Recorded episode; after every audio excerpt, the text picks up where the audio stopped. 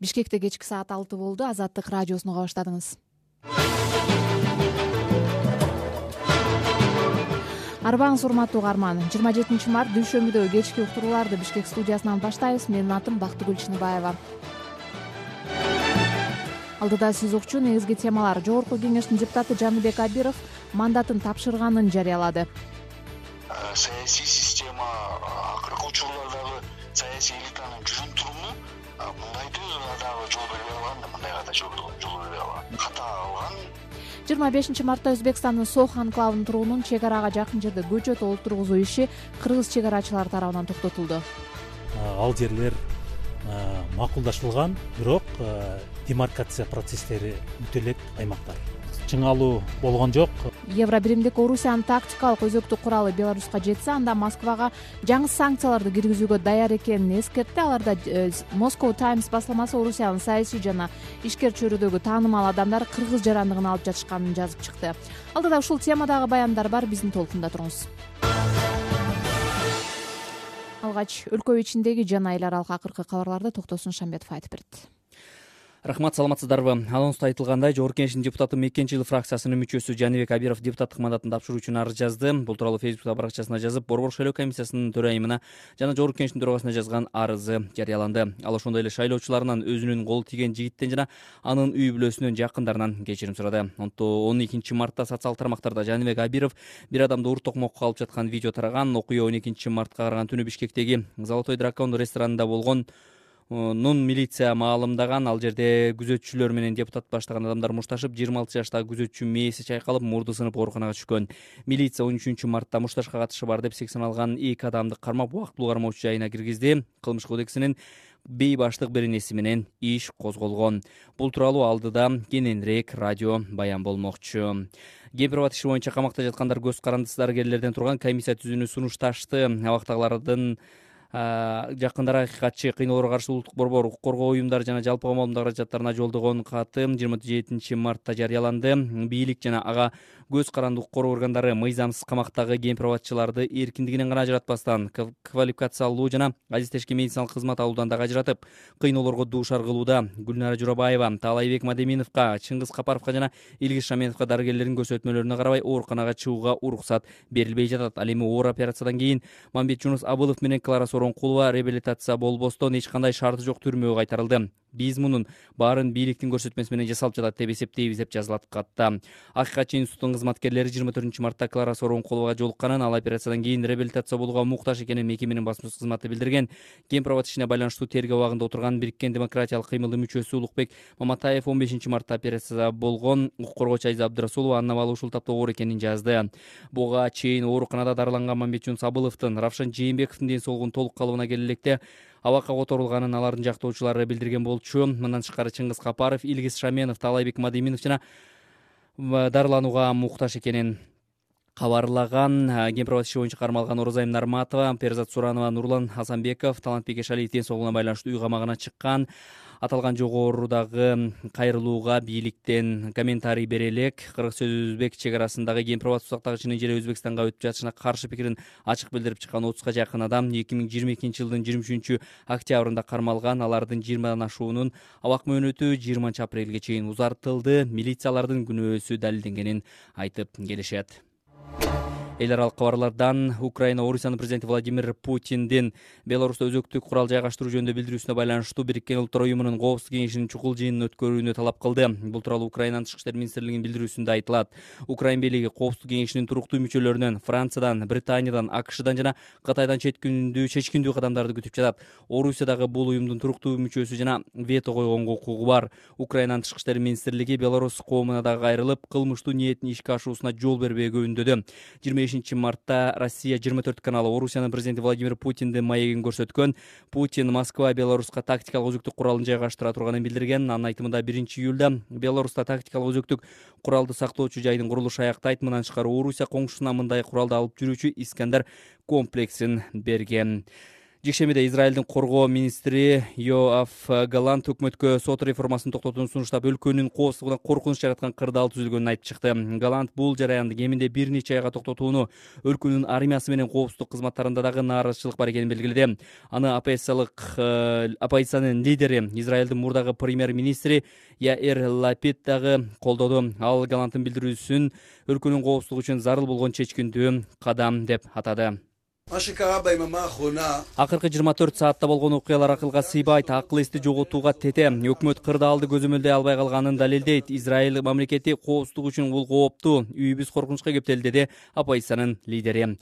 Буга жооп иретинде израилдин премьер министри бенемян нетянаху голландты кызматтан алды. Бул тууралуу жекшембиде кечинде иерусалим пост басылмасы жазды нетаняху коргоо министрине ишеним кеткенин айткан болчу жекшембиде өлкөдө нааразычылык жүрүштөрү дагы уланды. Евро биримдик орусияга батыш киргизген санкцияларды кыйгап өтүүсүнө көмөктөшүүнү үчүн борбор азиянын айрым өлкөлөрүнө чектөө киргизиши мүмкүн экенин жазды. Бул тууралуу телеграф басылмасы кабарлады. Социалдык тармактарда медиада президент садыр жапаровдун жубайы айгүл жапарованын атынан баракчалар ачылып жалган маалыматтар тарап жатат. Бул тууралуу президенттик администрациянын маалымат саясат кызматынын башчысы дайырбек орунбеков эскертти. Орунбеков маал менен президенттин жубайынын атынан жасалма баракчалар ачылып чындыкка дал берилген маалыматтар таралып жатканын жазып ага ишенбөөгө чакырды. Буга чейин фейсбукта айгүл жапарованын атынан акча таралып жатканы жөнүндө маалыматтар тараган болчу чоң рахмат. Жаңылыктарды кесиптешим токтосун шамбетов айтып берди. Жаңылыктардын кеңири топтомун биздин инстаграмдагы азаттык чекит kg жана телеграмдагы каналыбыздан дагы окусаңыз болот. Эми аба ырайы тууралуу маалымат жыйырма жетинчи мартта абанын температурасынын жогорулашынан улам жаан чачынга байланыштуу кыргызстандын көпчүлүк тоолуу аймактарында ушууларда кар көчкү түшөт кар көрткүсү чогулуп жолдор тайгак болот деп билдирип жатат синоптиктер. Абанын температурасы чүйөрөндө түнкүсүн эки жети күндүз он тогуз жыйырма төрт таласта түнкүсүн бир алты күндүз он жети жыйырма эки. Баткен ош жалал абад областтарында түнкүсүн алты он бир күндүз жыйырма бир жыйырма алты градус жылуу. Ысык көлдө түнкүсүн нөл э, беш күндүз он эки он жети градус нөлдөн жогору нарында түнкүсүн минус төрт бир күндүз он бир он алты градус жылуу болот. Бишкекте жаан чачын күтүлбөйт түнкүсүн беш жети күндүз жыйырма эки жыйырма төрт градус нөлдөн жогору уктуруубузду улантабыз. Жогоруда айтылгандай парламенттин депутаты жаныбек абиров мандатын тапшырганын жарыялап буга өзү катышкан мушташ себеп болгонун мындан ары депутат катары ишин улантууга моралдык укугу жоктугун айтты. Социалдык тармактарда анын чечимин кубаттагандар да мушташка катышканын сындагандар да болууда. Абировдун ордуна бишкек шаарындагы ленин шайлоо ленин райондук шайлоо округу боюнча шайлоо качан өтөт? Сөз түмөнбай абдинабек уулунда жогорку кеңештин депутаты мекенчил фракциясынын мүчөсү жаныбек абиров жыйырма жетинчи мартта депутаттык мандатын тапшыруу үчүн борбордук шайлоо комиссиясына арыз жазды. Ал өзү катышкан мушташтан кийин депутаттык ишин улантууга моралдык укугу жок экенин фейсбуктагы билдирүүсүндө айтты. Менин катышуумдагы акыркы болуп өткөн окуя коомчулук арасында кызуу талкуу жаратты. Окуянын олуттуулугун толук түшүнүп жоопкерчиликти сезип жаткандыгымды жана кыргыз республикасынын мыйзамдарына ылайык жоопкерчиликти тартууга даяр экендигимди дагы бир жолу баса белгилейм ошого байланыштуу мен окуяны талдап терең ой жүгүртүп өз каалоом менен кыргыз республикасынын жогорку кеңешинин депутатынын мандатын тапшыруу чечимин кабыл алдым. Ал шайлоочулардан жана сабалган жарандан анын үй бүлөсүнөн кечирим сурап мыйзам алдында жооп берүүгө даяр экенин кайталаган. Абировдун мандатын тапшырууга жеткирген чуулгандуу окуя он экинчи мартта бишкектеги золотой дракон ресторанында болгон. Ал жерде күзөтчүлөр менен депутат баштаган адамдар мушташып жыйырма алты жаштагы күзөтчү мээси чайкалып мурду сынып ооруканага түшкөн. Милиция он үчүнчү мартта мушташка катышы бар деген шек менен эки адамды кармап убактылуу кармоочу жайга киргизди. Кылмыш жаза кодексинин бейбаштык беренеси менен иш козголгон бишкектин ички иштер башкармалыгы башкы прокуратурага материалдарды жөнөтүп башкы көзөмөл органы он төртүнчү мартта абировду жоопкерчиликке тартууга макулдук алуу үчүн жогорку кеңешке сунуштама киргизген. Парламентте бул боюнча тогуз депутаттан турган депутаттык комиссия түзүлгөнү он бешинчи марттагы сессияда белгилүү болгон. Жогорку кеңештеги ынтымак фракциясынын төрагасы марлен маматалиев абировдун мындай чечимин кубаттап муну менен парламенттин да абийирин сактап калды деген оюн айтты. Любой коллективде мындай өзүнүн адамын бергендей мындай кыйынчылыкка туруп аткан да көпчүлүккөчү ошон үчүн абировдун биринчиден ушул чечими коллективге коллегаларга мындай жеңилдик түздү деп айтсам болот эле аны мындай жакшы шаг болду деп айтам өзү үчүн. Бул э, биринчиден жигитчиликти көрсөтчү экинчиликтен ошол өзүнүн мойнуна алып катачылыгын мен ката кетирип койдум деп ачык айкын айтып анан тергөөгө жана башкага тоскоолдук кылбай мандат менен жабылбай бул алган шагы бул тактикалык жана эме жактан туура чечим болду мындай мыйзам жагынан анан өзүнүн вири жагынан жакшы э, шаг болду деп мен. Мыйзамдын эң чокусунда биз турушубуз керек. Мыйзам жазып аткандан кийин ошол мыйзамдын эң башында биз үлгү катары ушундай нерселерди кылуу туура нерсе деп ага да белгилеп койдум. Ушинтип айтат элем мен туура эле чечим болду депчи. Маматалиев бул окуяда коомчулуктун таасири күч болгонун мыйзам бузулган учурда мандаттагы коргой албай калаары далилденгенин кошумчалады. Эми боршайком абировдун арызын канааттандырып мандатын алса милиция ал катышкан мушташка байланыштуу кылмыш ишин парламенттин уруксаты жок эле кароону уланталат. Абировдун мандатын тапшыруу чечими социалдык тармакта кызуу талкууланып аны кубаттагандар да сындагандар да болууда. Саясат талдоочу руслан акматбек бул чечим депутаттын өз ыктыяры менен жасалганынан күмөн санай турганын билдирди. Талаш жарата турган чечим деле биз үчүн жакшы сезилип атат да себеби дегенде саясий система акыркы учурлардагы саясий элитанын жүрүм туруму мындайды дагы жол бербей калган да мындайга да жол бербей калган ката кылган бул саясий система аны катаны кечирбей анын ордуна балким зарыл болгон керек болгон бирөө үчүн жакында билебиз да ким келе турганынчы? Бул суроого жооп табабыз да. Бул депутаттын эмесине карап кылган иштерине карап менин күмөнүм бар да анан өз ыктыяры менен барып жазган. Анткени өз ыктыяры менен жаза турган киши ошондо эле дагы жазып коймок себеби дегенде иш козголуп бирок ишти байкадыңарбы кайра эме жазса деле токтогон жок да? Ал эми дагы бир саясат талдоочу алмаз тажыбай абировдун чечими коомдун көзөмөлү басым алдында болду деген пикирде. Ошону ар бир депутаттарды ар бир э, мен деген отменерлерди э, пресса коомчулук байкаа жүргүзүш керек да. Чын эле элдин арасына барып мен мындаймын деп мактайт а эки жүздүүлүгүн көргөзүп атпайбы ошондой болбош керек. Ошон үчүн дагы бир жолу айтып кетейин. Массалык маалымат каражатта эркиндик болуш керек. Толугу менен экинчи жарандык активдер көбүрөөк болуш керек. Абиров эки миң жыйырма биринчи жылы жогорку кеңешке бир мандаттуу номер жыйырма сегизинчи ленин шайлоо округунан шайланып келген. Анын арыз жазганы белгилүү болгондон кийин ордуна ким депутат болот деген суроо коюлду. Социалдык тармактарда абиров ат салышкан округда экинчи орунду саясатчы равшан жээнбеков алганын жазып мандат ага тийиши керек дегендер дагы болууда. Абактагы жээнбеков өзү да бул тууралуу кайрылуу жасап кайра шайлоого талапкер катары ат салыша турганын билдирди. Мен өткөндө ленин району боюнча шайлоого баргам. Ал шайлоо округтан абиров бийликтин күчү менен мени уткан мен ал убакта экинчи орунду алгам түрмөдө отуруп. Азыр дагы түрмөдө отуруп кайрадан шайлоого барам.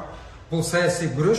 Саясий күрөштү биз кайрадан улантышыбыз керек. Саясатчы былтыр жыйырма үчүнчү октябрда кемпир абад иши боюнча кармалып камакка алынып бишкектеги номер биринчи тергөө абагында отурат. Ал өзүнө коюлган айыптардын баарын саясий куугунтук деп атап келет.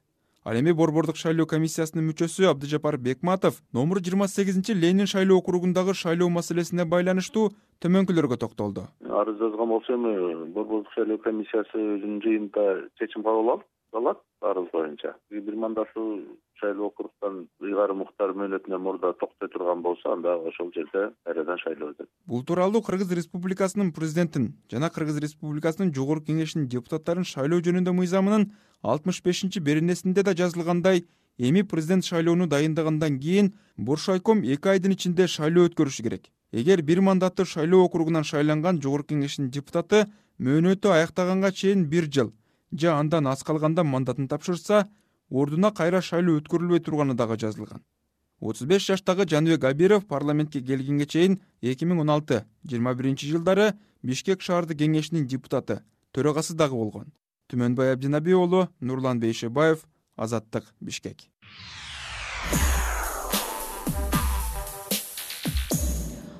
уктуруубузду улантабыз. Жыйырма бешинчи мартта өзбекстандын сох анклавынын тургунунун чек арага жакын жерде көчөт олтургузуу иши кыргыз чек арачылары тарабынан токтотулду.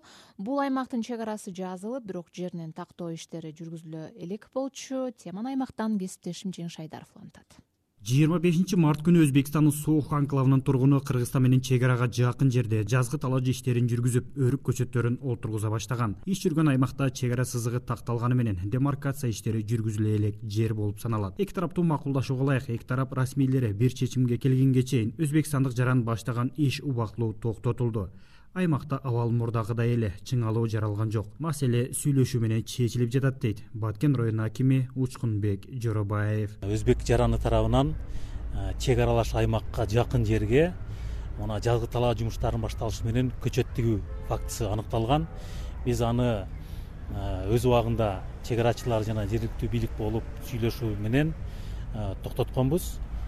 Бул көрүнүштөр мына баардыгыбызга белгилүү жазгы талаа жумуштарынын башталышы менен мындай фактылар болуп турат. Биз мунун алдын алуу боюнча жергиликтүү бийлик жана укук коргоо күч түзүмдөрүнүн деңгээлинде сүйлөшүп ордунда чечип турабыз. Ал жерлер макулдашылган бирок демаркация процесстери бүтө элек аймактар чыңалуу болгон жок. Биз өзбек республикасы менен бүгүнкү күндө карым катнаш жакшы чек арачылардын деңгээлинде жергиликтүү бийликтин деңгээлинде биз мындай окуяларды сүйлөшүүнүн натыйжасында эле чечип турабыз. Аймакта жазгы талаа иштери кызуу жүрүп жаткан учурда чек аралаш аймактарда майда барат пикир келишпестиктер утур утур эле катталып турат. Март айынын башында баткен району сооух анклавына жакын жайгашкан сай айылынын тургуну да өзбек чек арачылары эгин айдоо иштерине тоскоолдук жаратканын айтканы тууралуу видео чыккан. Бирок кийин бул маалымат ырасталбаганы айтылган өзбекстандын сооух анклавы аркылуу маршруттук каттамда айдоочулук кылган максатбек абал өзгөрбөгөнүн каттамдар кадимкидей жүрүп жатканын айтты. Биз чек арадан күндөгүндөй эле өтүп атабыз эч бир өзгөрүү жок. Мурдагыдай эле мамиле. Бизге билинбейт бирдей эле өзбекстандын сооух анклавы кыргызстандын баткен жана кадамжай райондору менен жүз чакырымдай чектешип турат. Чек аранын дээрлик баардык бөлүгү такталып бүткөнү менен жеринен тактоо же башкача айтканда демаркациялоо иштери аяктай элек.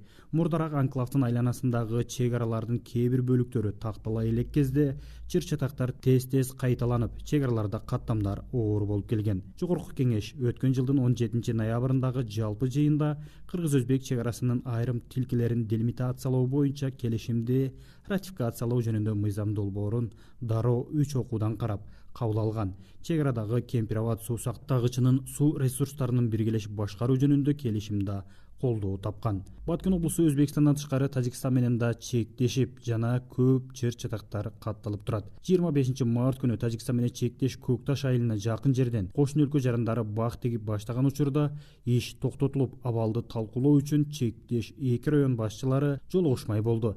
Жаз алды менен майда барат чыңалуулар көп катталууда. Маселе ар дайым көңүл борборунда дейт. Район акими учкунбек жоробаев тажик жарандары шарттуу чек арага жакын жерге көчөт тигишкен. Аны дагы биз убагында токтотуп калдык. Бүгүн ошол аткарылган иштерди башкача айтканда кайрадан баштапкы калыбына келтирүү боюнча исфара районунун төрагасы менен макулдашканбыз саат он беш ноль нөлгө жолугушуу. Ошол жолугушуудан кудай буюрса чечебиз ал маселени дагы көчөт тигүү макулдашылбаган аймакта арык тазалоо жалпысынан ушундай жазгы талаа жумуштарын аткарган фактылар болуп атат. Ошо инцидентсиз эле. Биз аны жергиликтүү деңгээлде коргоо жана күч түзүмдөрүнүн деңгээлинде чечип жатабыз. Бирок биз жергиликтүү деңгээлде ушундай жазгы талаа жумуштарына байланышкан баардык жумушту алдын ала макулдашуу менен жүргүзүү деп сүйлөшүлгөн бирок эми элчилик экен. Кээ бирки жарандар ушундай макулдашылбаган аракеттерди жасап коюп атат да. Кыргызстандын тажикстан менен жалпысынан тогуз жүз жетимиш эки чакырым чек ара тилкеси бар. Тактоо иштери эки миң экинчи жылы башталган. Анын алты жүз алтымыш төрт чакырымы боюнча орток пикир бар экени эки өлкөнүн президенттери өткөн жылы ырасташкан калган үч жүз чакырымга жакын чек ара тилкесин тактоодо маселе жаралууда. Жеңиш айдаров азаттык баткен урматтуу угарман азаттык радиосунун жыйырма жетинчи март дүйшөмбүдөгү кечки эфирин бишкектен мен бактыгүл чыныбаева алып баруудамын ушул саатка алынган жаңылыктардын кыскача мазмуну. Жогорку кеңештин депутаты мекенчилик фракциясынын мүчөсү жаныбек абиров депутаттык мандатын тапшыруу үчүн арыз жазды. Кемпир абад иши боюнча камакта жаткандар көз карандысыз дарыгерлерден турган комиссия түзүүнү суранышты украина орусиянын президенти владимир путиндин беларуста өзөктүк курал жайгаштыруу жөнүндө билдирүүсүнө байланыштуу бириккен улуттар уюмунун коопсуздук кеңешинин чукул жыйынын өткөрүүнү талап кылды. Уктуруубузду улантабыз. Евро биримдик орусиянын тактикалык өзөктүк куралы беларуска жетсе анда москвага жаңы санкцияларды киргизүүгө даяр экенин эскертти украинанын бийлиги. Бул маселеге байланыштуу бириккен улуттар уюмунун коопсуздук кеңешинин чукул жыйынга чакырууну талап кылууда. Теманы айбек бийбосунов улантат орусиянын президенти владимир путин талкууга жем таштаган сөзүн ишембиде россия жыйырма төрт каналы жарыялаган маегинде айтты. Анда путин польша менен узун чек арасы бар беларустун авторитардык лидери александр лукашенко тактикалык ядролук куралды өз өлкөсүндө жайгаштырууну көптөн бери суранып жүргөнүн белгиледи. Мы уже помогли нашим белорусским коллегам беларустун аба күчтөрүнүн учактарын кайра жабдууга жардамдаштык. Он учак андай куралды колдонууга даяр биз беларуска белгилүү жана натыйжалуу искандер ракеталык комплексин бергенбиз ал да бул куралды алып жүрө алат. Экипажды машыктыруу үчүнчү апрелде башталат. Беларустун аймагында тактикалык өзөктүк курал сактоочу жайдын курулушун биринчи июлда аяктайбыз. Тактического ядерного оружия на территории беларуси. Путиндин сөзүнө караганда беларуска өзөктүк куралды жайгаштыруу чечими британия украинага челленджер эки танктарын курамында кемитилген ураны бар снаряддарды берерин убада кылгандан кийин кабыл алынган мындай снаряддар ядролук курал болуп саналбайт. Чопкутталган оор техниканы тешип өтүүгө гана жөндөмдүү. Украинанын тышкы иштер министрлиги орусиянын соңку чечимине байланыштуу дүйнө коомчулугуна кайрылып бириккен улуттар уюмунун коопсуздук кеңешин чукул жыйынга чогултууга чакырды украина британиядан кытайдан акшдан жана франциядан өзгөчө ядролук куралды колдонуу менен коштолгон агрессияны алдын алуу багытында өздөрүнө жоопкерчилик алган бириккен улуттар уюмунун коопсуздук кеңешинин туруктуу мүчөлөрү катары кремлдин өзөктүк шантажына каршы натыйжалуу иш аракеттерди күтөт. Бул үчүн коопсуздук кеңешинин кезексиз жыйынын токтоосуз чакырууну талап кылабыз путиндин билдирүүсүнө батыш өлкөлөр да дароо жооп кайтарды. Эгер орусиянын ядролук куралы беларуска жеткирилсе евробримдик москвага жаңы санкцияларды киргизерин шаркеттин тышкы иштер мекемесинин жетекчиси жозеп барель твиттерге жазды. Ал эми акшнын расмий өкүлдөрү путиндин өзөктүк курал колдонууга даярданып жатканынын белгисин көрбөгөнүн айтышты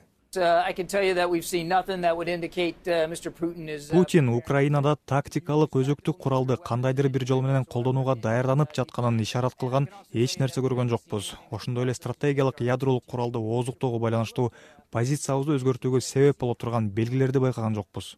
Деп билдирди жыйырма алтынчы марттагы маегинде ак үйдүн улуттук коопсуздук боюнча кеңешинин өкүлү джон кирби ал арада украинанын чыгышында айгышкан кармаштар уланууда. Украина армиясы билдиргендей орус күчтөрү бир нече айдан бери чабуул коюп жаткан бахмут шаарынан тышкары авдеевканы да барган сайын көбүрөөк бутага алып жатат. Орус аскерлеринин чабуулунан улам соңку бир сутканын ичинде харьков жана донецк аймактарында эки жай тургун каза болгону кабарланды. Айбек бийбосунов айбек кулчуманов азаттык прага уктуруубузду. Улантабыз жыйырма бешинчи мартта москоу таймс басылмасы орусиянын саясий жана ишкер чөйрөдөгү таанымал адамдары кыргыз жарандыгын алып жатышканын жазып чыкты. Бул темага кененирээк кесиптешим кубатбек айпашев кайрылмакчы the moscow times басылмасы шилтеме кылган номер үч жүз элүү тогуз сандуу жарлыктагы бир нече ысымдар орусиянын твер облусунун мурунку губернатору дмитрий зелениндин орус өкмөтүнүн жогорку соттогу ыйгарым укуктуу өкүлү михаил борщевскийдин кызы наталья борщевскаянын аромат дүйнөсү компаниясынын кожоюну валерий задориндин александр жана михаил аттуу уулдарынын жана бит злато крипто биржасынын негиздөөчүлөрүнүн бири антон шкуренконун аты жөндөрү жашаган жери жана туулган жылдары менен далилкелери белгиленген мындай окшоштуктарды лоустон телеграм каналы менен база ресурсу да байкаганын жазган. Эл аралык transparency international уюмунун орусия боюнча кеңсесинин директору илья шуманов дагы жогорудагы аталган жарлыкты дыкат талдап чыкканын жана орусиянын саясий жана бизнес элитасына айрым өкүлдөрүнүн аты жөндөрүнө окшош ысымдарды кезиктиргенин билдирди. Это может значить что э, кыргызстан выбрали э, бул кыргызстанды экинчи паспорт алууга жардам бере турган укуктук талаалардын бири катары тандашканын билдирет. Ал экинчи паспорт дүйнө кыдырып саякаттаганга бизнес жүргүзгөнгө чектөөнү алып салат жана банктык чектөөлөрдү жоет бул көпчүлүк орусиялыктар тушуккан кыйынчылыктарды жеңилдетет. Мунун кыргызстан үчүн кандай тобокелдиктери болушу мүмкүн ушундай схеманы криминалдык өтмүшү бар адамдар да колдонуп жатышат. Жакында эле америка бийлиги акча адалдоо менен алектенген битслато криптовалюталык биржасынын ишмердигинин бетин ачкан болчу. Ошол биржанын негиздөөчүлөрүнүн бири кыргызстандын паспортун алгандардын тизмесинде аталып жатат. Основателей этой биржи также он упомянут в списке получателей кыргызстанского паспорта теги москвалык учурда кыргызстанда жашап жаткан михаил жуховицкий аттуу финансист өткөн жылдын жыйырма экинчи ноябрында социалдык тармактагы баракчасына орусиялык досторуна кыргыз паспортун алып бергендиги тууралуу пост жазган. Ал финансы чөйрөсүндөгү жергиликтүү байланыштарына ыраазылыгын билдирген. Жуховицкий аз күн мурда орусиялыктар үчүн кыргыз паспортун алуу темасына дагы бир ирет кайрылып ишти чечүүнүн көп жолдору бар экенин жазган. Кыргызстандын президентинин жарандыкка кабыл алуу жөнүндө соңку жарлыгын ачып карагыла анда төрт жүз кишинин элүүсүнүн аты жөнү жана туулган жери нукура орусча болуп турат. Тизмеде орусиялык абдан таанымал ишкерлер да бар. Дагы бир жолу айтам. Бир эле сценарий бар. Ал борбор азиянын паспортуна ээ болуу. Анын негизинде анан евро биримдикке визасыз кире алган аралдардын паспортун жасаса болот. Кароо мөөнөтү чечиле турган маселе. Жарым жыл күтпөй эле үч төрт айга тездетсе болот. Кандай болбосун? Кагазда жазылгандар көп деле маанилүү эмес. Башкысы иш жүзүндө чечилет. Расмий маалыматтарга ылайык кыргыз президенти садыр жапаров эки миң жыйырма экинчи жылы кыргыз республикасынын жарандыгына кабыл алуу жөнүндө он сегиз жарлык чыгарган. Жарлыктарда төрт миң беш жүз кырк беш адам өлкө жарандыгына кабыл алынса беш жүз токсон бир адам чыгарылган. Өткөн жылдын ноябрь айында санариптик өнүгүү министринин орун басары айдарбек мамбеткадыров парламент жыйынында кыргызстанга инвестиция салган чет элдиктерге алтын паспорт берүү мыйзам долбоору даярдалып жатканын билдирген. Азыр бул сиз айткан мыйзам боюнча азыр мыйзам демилгелөө ишин азыр иштелип чыгып жатат. Буюрса бул мыйзам демилгеленип келинет. Ал жерде ошол э, золотой паспорт деген терминология бар. Ошол он миллион сомдон тегерегинде инвестиция киргизгендерге ошолорго э, шарттарын кирүү шарттарын э, жарандык алуу шарттарын жеңилдетүү жагы боюнча азыр өкмөттө ушундай топ бар. Бул жакын арада эртең бүрсү күнү бул боюнча да иш кеңешме болот. Бул боюнча иштелип чыгып атат азыр активдүү түрдө өлкөгө инвестиция салган чет элдиктерге кыргыз жарандыгын жеңилдетилген тартипте берүү жөнүндө мыйзам же кандайдыр бир укуктук акты тууралуу андан кийин кеп боло элек эки миң жыйырма экинчи жылдын февраль айында орусия украинага кол салгандан кийин орусиялык ишкерлер менен санарип адистердин жапырт миграциясы башталган. Жай айларында экономика жана коммерция министрлиги чет өлкөлүк айт адистерге санарип көчмөн макамын ыйгаруу жобосун иштеп чыккан.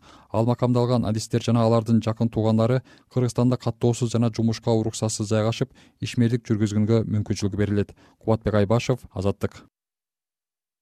Урматтуу угарман уктуруубузду эми сөз дайра түрмөгү улантмакчы аны шайлообек дүйшеев сунуштайт. Биз мектепте өз тарыхыбызга караганда орус элинин тарыхын өз маданиятыбызга караганда орус элинин маданиятын өзүбүздүкүнөн артыгыраак окуп билдик. Өзүбүздүн баа жеткис дөөлөттөрүбүздү артта калган эскирген деп чанып сыймыктанууга сөз кылууга болбой турган жарамсыз нерсе уят кыла турган арзыбас нерсе катары жийиркенип караганга жирип караганга үйрөнүп окуганыбызга бүгүн уялам. Көрсө бул деген кыргызды эл катары жок кыла турган идеология экенин анда билген эмес экенбиз. Азыр ойлойм кокус бизде сабросов сыяктуу тагдыры оор. Жашоосун бомж болуп саяктык менен өткөргөн бирок кудай берген таланты күчтүү художниктерибиз болгондо биз аны орус коому көтөргөндөй көтөрүп орус эли баалагандай баалап даңктап жаманын жашырып жакшысын ашырып окутуп таанытып билбегендерге билгизип даңазалап ала алат белек. Же көнүп бүткөн көрө албастык ышыбызга салып жердин жети кабатынан биротоло чыккыс кылып көмсырат белек. Эл катары өспөй келаткан өксүгүбүздүн бир себеби да ушундан болсо керек. Бекеринен казак элинин улуу уулу динмухаммед ахмедович кунаев дооронбек садырбаев интервью алганы барганда сак болуңдар карагым кыргыздын эң чоң душманы кыргыз деп бекеринен айтпаган чыгар. Жүрөгүмдө кыргыз кыргызга душман дегенге ишенейин десем да ишенгим келбей кетет. Бир атанын бир улуттун балдары болуп туруп кантип өз элинин тамырын өзү кыргызсын деп. Бирок тилекке каршы ушундай эле болуп келатпайбы ыңгайы келе калган жерден эле бири бирибизди буттан чалып өгө келе калган жерден эле бири бирибизге жамандык жасап учпасын деп канатыбызды кыркып жетпесин деп жолубузду кетмени деп күчүбүздү бүлдүрүп бүтүнүбүздү кертип кемитип өстүрбөй өксүтүп келатканыбыз жалганбы көрө албастык ичи тардык ит адатыбыз элибизди биротоло жок кылып жибере албасына анткени биротоло бар кылып да жибербесине бирок элди эч качан баркы баасы бактысы чоң ынтымагы бекем туруктуу элдин катарына кошпосуна анын айынан өзүнөн өкүм өзүнөн күчтүү өзүнөн мыкаачу элдерге ар дайым жем болуп кошомат кылып көзүн сатып жүрүп өтөрүнө көзүм жетип. Манастан бери карай эле өзүнүн ичиндеги абыке көбөчтөрүн жеңе албай келатканын көрүп туруп теңир ай айталадагы каршкырдай улугум келип кетет сиз шайлообек дүйшеевдин сөз дайра түрмөгүн уктуңуз ушуну менен азаттык радиосу жыйырма жетинчи март дүйшөмбү күнкү кечки берүүлөрдүн бир бөлүгүн соңуна чыгарат. Бишкек студиясында уктурууларды мен бактыгүл чыныбаева алып баруудамын. Азыр бизден алыстабай туруңуз. Бир нече көз ирмемден кийин дагы бир жарым сааттык берүүбүз башталат